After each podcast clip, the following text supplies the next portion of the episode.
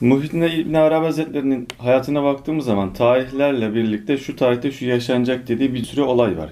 Bunu Evet. kitaplarında da aktarmış. Muhittin İbn Arabi Hazretleri bu olayları tarihlerle beraber neden aktarma ihtiyacı hissetti? Bunlar tam olarak gerçekleşecek, gerçekleşmesi kesin olacak şeyler mi de bize aktardı? Şimdi Muhittin Arabi Hazretleri ve onun hakkında konuşmak bizim haddimiz değil. Ancak yaşadıklarımızın üzerine kıyas yapabiliriz. Yoksa Evliya Allah'ın ve aynı zamanda o ilmin son noktası. Yani o ilim üzerine ondan sonra o kadar zirveye çıkacak daha zat gelmeyecek. Daha düşük seviyelerde olabilir. Bunlar mutlaka var. Devam edecek. Daha da devam edecek. Yani e, güneş tersten doğana kadar devam edecektir bu. Fakat e, biz e, neden böyle söyledi bizim haddimiz olmadığı gibi ama yaşadıklarımızdan buna e, ne anlatabiliriz diye konuşabiliriz. Tecrübelerimizden, yaşadıklarımızdan istiyorsanız örnekleme olup onun üzerine istişare edebiliriz. Ee, birkaç örnek vermeye çalışayım. Şimdi örneğin depremle alakalı. Bir deprem bir şey olacağı zaman dünyanın herhangi bir yerinde de hemen bizde onun hali oluyor. Anlıyoruz ki bir yerde deprem olacak. Bazen e, hatta şiddetine kadar da söylenebiliyor. Ertesi gün televizyona falan bakıyorsun bir yerde olmuş. Bu haller olabiliyor. Bunlar gayet normal. Tabi bu Muhittin Arabi Hazretleri'nin anlattığı çok çok bize göre anormal. Yani zamanın içerisinde ileri ve geriye de gidiyor olması gerekiyor. Şimdi zamanın içinde ileri ve geriye gidiyor olabilmesi için zamanın her anının da aynı anda yaşanıyor olması lazım. Değil mi? Evet. Evet. bilgilerin üzerinde eğer gidip geliyorsa veyahut da tüm ya zamanlar yaşandı ve bitti ya şu andaki teknolojiyle anlatmak kolay. Filmi ileri alıp geri alıp sarabiliyorsa, içine girip içinde devam edebiliyorsa, genel olayları, dünya gündemiyle ilgili bilgilere ulaşabiliyorsa, yani bunları söyler. Ama biz bununla ilgili, bu Allah dostluğuyla ilgili hani bir şey söylemek bizim haddimiz değil. Ancak yaşadıklarımızla ilgili şöyle durumlar oldu. Örneğin deprem olacak. Bir deprem oldu. Peşinden tekrar deprem olacak. Sorduğumuzda deprem var mı? Şu zaman şu dakika denildi. O an geldi. Deprem olmadı. Ama bilgi kaynağımızda bir problem yok. Arkasını anlatacağım birazdan. Yine aynı şekilde aynı deprem üzerine bir başka zaman Yine sorduğumuzda evet o an deprem oldu. Aynı kaynaktan alıyorum. Bizi yetiştiren hocam yanılma imkanı yok. Öyle bir durum yok ama arkasındaki hikmeti sorduğumda, hastalıklarla ilgili sorduğumuzda, e, benzeri konularla ilgili sorduğumuzda ki benzeri derken bir konu anlatayım. 2002 yılı zannediyorum. Trafik kazası yapacağım bilgisini aldım. Ee, Çanakkale'ye gittim. Kaşıkçı Baba Hazretlerini ziyaret ettim. Tam o bir tepeye çıkar gibi yol var. Oraya gelirken arabanın sağ lastiği çıktı ama bir şekilde fren hiç yok. Bir şekilde durdu. Dedim ki biz kazayı atlattık. Peşinden kısa bir süre sonra yaptığım ürünlerden Bursa'ya gönderdim. Bursa'ya gittim teslimatımı yaptım. Geri dönerken Bursa yolunda zikzaklı viraj yollar var ya. Orada yine aynı lastik bir patladı. Uçurumdan aşağıya bir yuvarlandım. Araba pert oldu. Yani o yaşadığım an hani filmlerde araba sahneleri oluyor ya. Ya onu ben canlı birebir yaşadım. Yani o arabadan çıktığımda sağ salim çıktım ve hiçbir çizik yok. Gelen polislerin tesellisi şu. Biz bu kadar süredir burada görev yapıyoruz ve ilk defa birisi sağa çıkıyor. Ve bende hiçbir şey yok. Arabanın yarı senetlerini ödeyeceğim ona üzülüyorum. Nasıl yapacağım diye. Şimdi bu da aynı hocamın verdiği bilgi. Ve bir zaman sonra yine ticari olarak bir konu oldu. Hocama şunu söyledim. Ya hadsizlik ettim. Tabi bu da bir imtihandı. Siz bana bunu haber vermediniz diye ben hocama küstüm. 4 yıl zaten küsmek 3 günden fazla yasak. İletişime geçmiyorum. Tabii o arada çok bocaladım, sıkıntılar oldu dedim daha sormayacağım, sormayacağım. Yani nasıl bir inattır veyahut da nasıl bir kibirdir, nasıl bir kibir, nasıl bir gurur, nasıl bir konudur ki 4 yıl ya en sonunda geldi. Kalk dedi görevine devam et. Anlat insanlara. Sen anlatacaksın. Bunları da yaşadık. Dolayısıyla sonra sonra zaman geçtikçe tabii her anlattığımızla ilgili bizim hayatımızda çok farklı olaylar oldu. Bu olaylarla da birleştiriyoruz. Yani pişmek için yanmak gerekiyorsa eğer yaşadığın kaza, bela, musibet, iftira, e, işte düştüğün sıkıntılar, insanların hakaretleri vesaire birçok farklı konulardan imtihanlara tabi tutulduk. Burada doğru cevap vererek, Rabbimin emirlerine göre hareket ederek gidersen kurtuluyorsun. Manevi destekle bunu yapmaya çalıştık. Şükürler olsun. İnşallah geçmişizdir. Diyeceksin ki Muhittin abi Arabi Hazretleri ile ilgili sorduğun soruyla bunun ne alakası var? Niye bunu anlatıyorsun bize? Anlatıyorum çünkü gelen bilgilerin sonra sonra hocamdan daha fazla bilgi alarak aynı zamanda tecrübe de kazandım. Gittiğimiz ortamı tanır oldum. Ne olursa burada bir sorun çıkabilir onu anladım. Hocamın mimiklerini bile yani üslubunu bile anladım. Yani bir şey söylediğinde kızarak mı söyledi, severek mi söyledi? Hani olmaz dediğinde bu izin verdi mi, vermedi mi? Bazen olmaz der, daha iyi şekilde zamanda izin verir. Bazen olmaz der, hiç yapamazsın gibi. Hani sonuçta bir bağlı olduğum bir Allah dostu var ve ondan desturuyla hareket etmeye çalışıyorum. Etmediğim zaman zaten başıma bir sürü sıkıntı geliyor. Şimdi alınan bilgilerde ilk baştaki sorduğun cevap aslında burada. Bazen hocam diyor ki müsaade edildi kaderde yazılı olandan getirdin. Bazen de bunu ilettim üstlerime.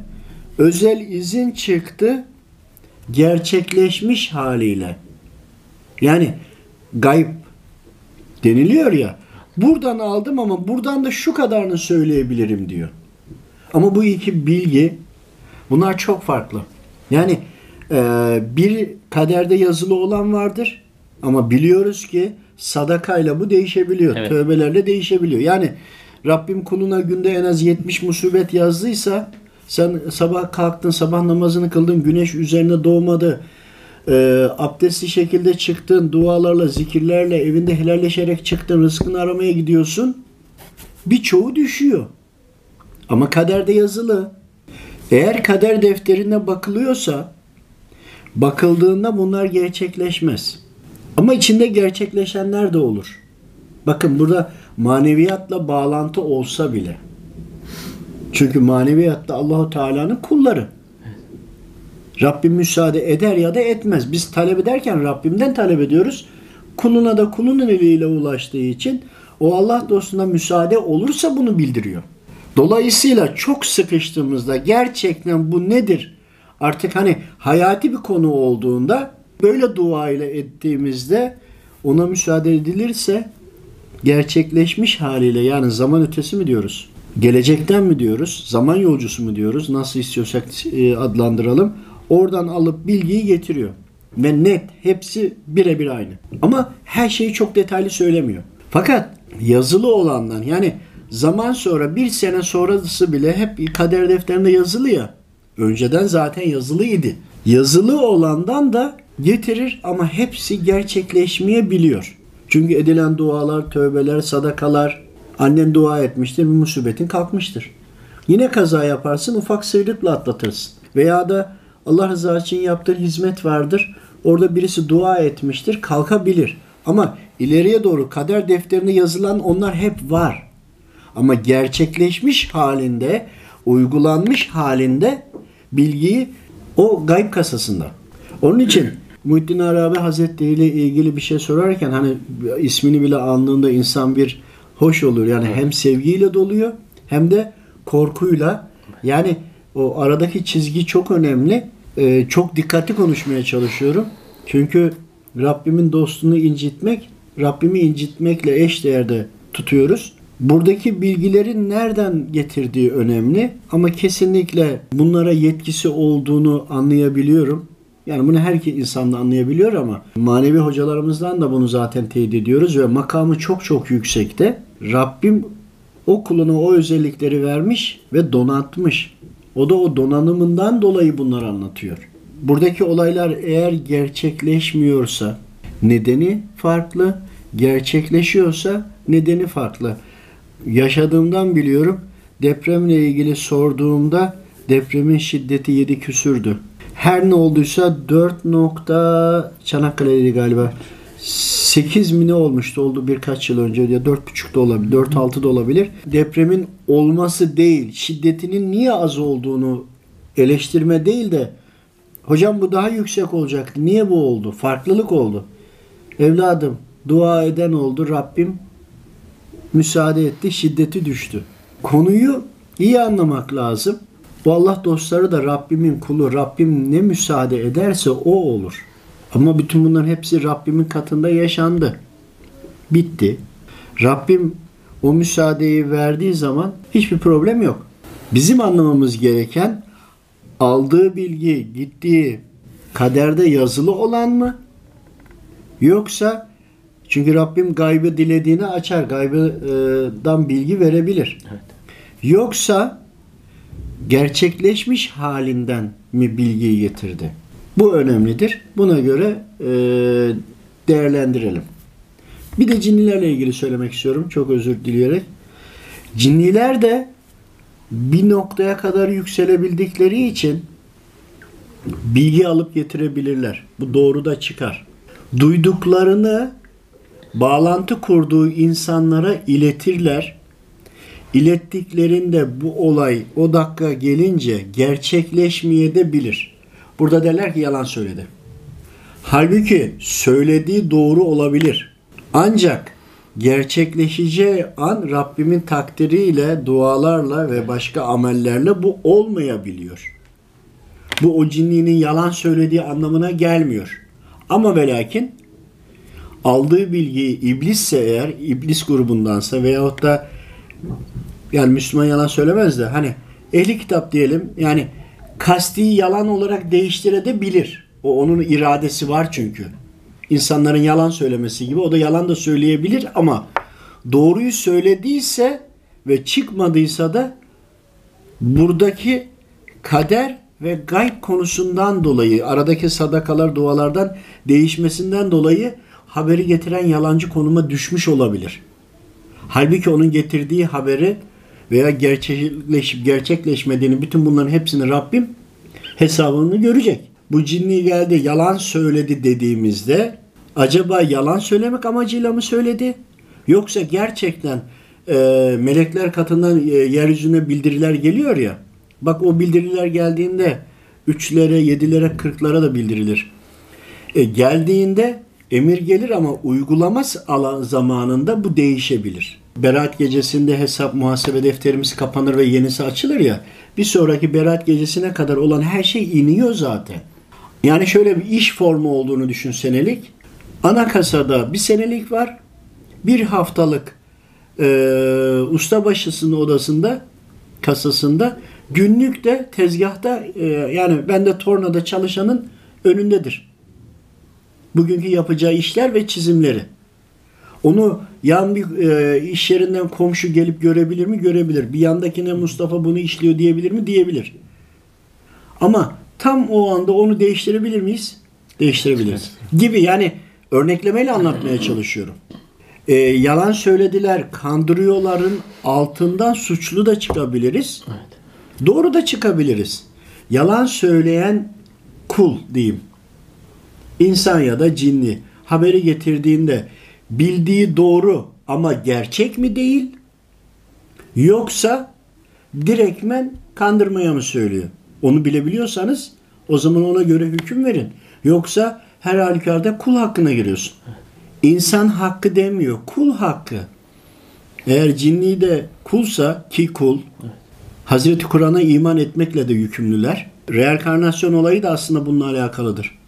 Reenkarnasyon olayıyla da ilgili bir sürü konuşuyorlar. Bir sürü kitaplar yazmışlar. Delile bakarsan şu zaman yaşadım buydum, bu zaman buydum gibi söylüyor. Ama bununla ilgili bir çözüm bulamadıkları için diyorlar ki bir daha dünyaya geliyoruz. Hayır Hazreti Kur'an'a inanan bunu diyemez. İmanın kaybetmesine kesin delil. Rabbim doğrusunu bilir. Evet. Ancak bunu anlayamadıkları için en yakın yere koyuyorlar. Ama bunun bir de gerçek durumu var. İnşallah onu da anlatırız bir gün. Cinniler hakkında doğru söylemeyebilir. İfritler zaten direkt farklı hareket ediyorlar ama cinni kullar bildiği doğru da olabilir. Kasti yalan da söyleyebilir. Ama bildiği doğru gerçekleşeceği an dualarla başka konulardan dolayı değişmiş de olabilir. Bu onun yalan söylediği anlamına gelmez. Söylediği anki hüküm doğrudur. Gerçekleşeceği an değişmiş olabiliyor. Allah razı olsun. De öyle olsun.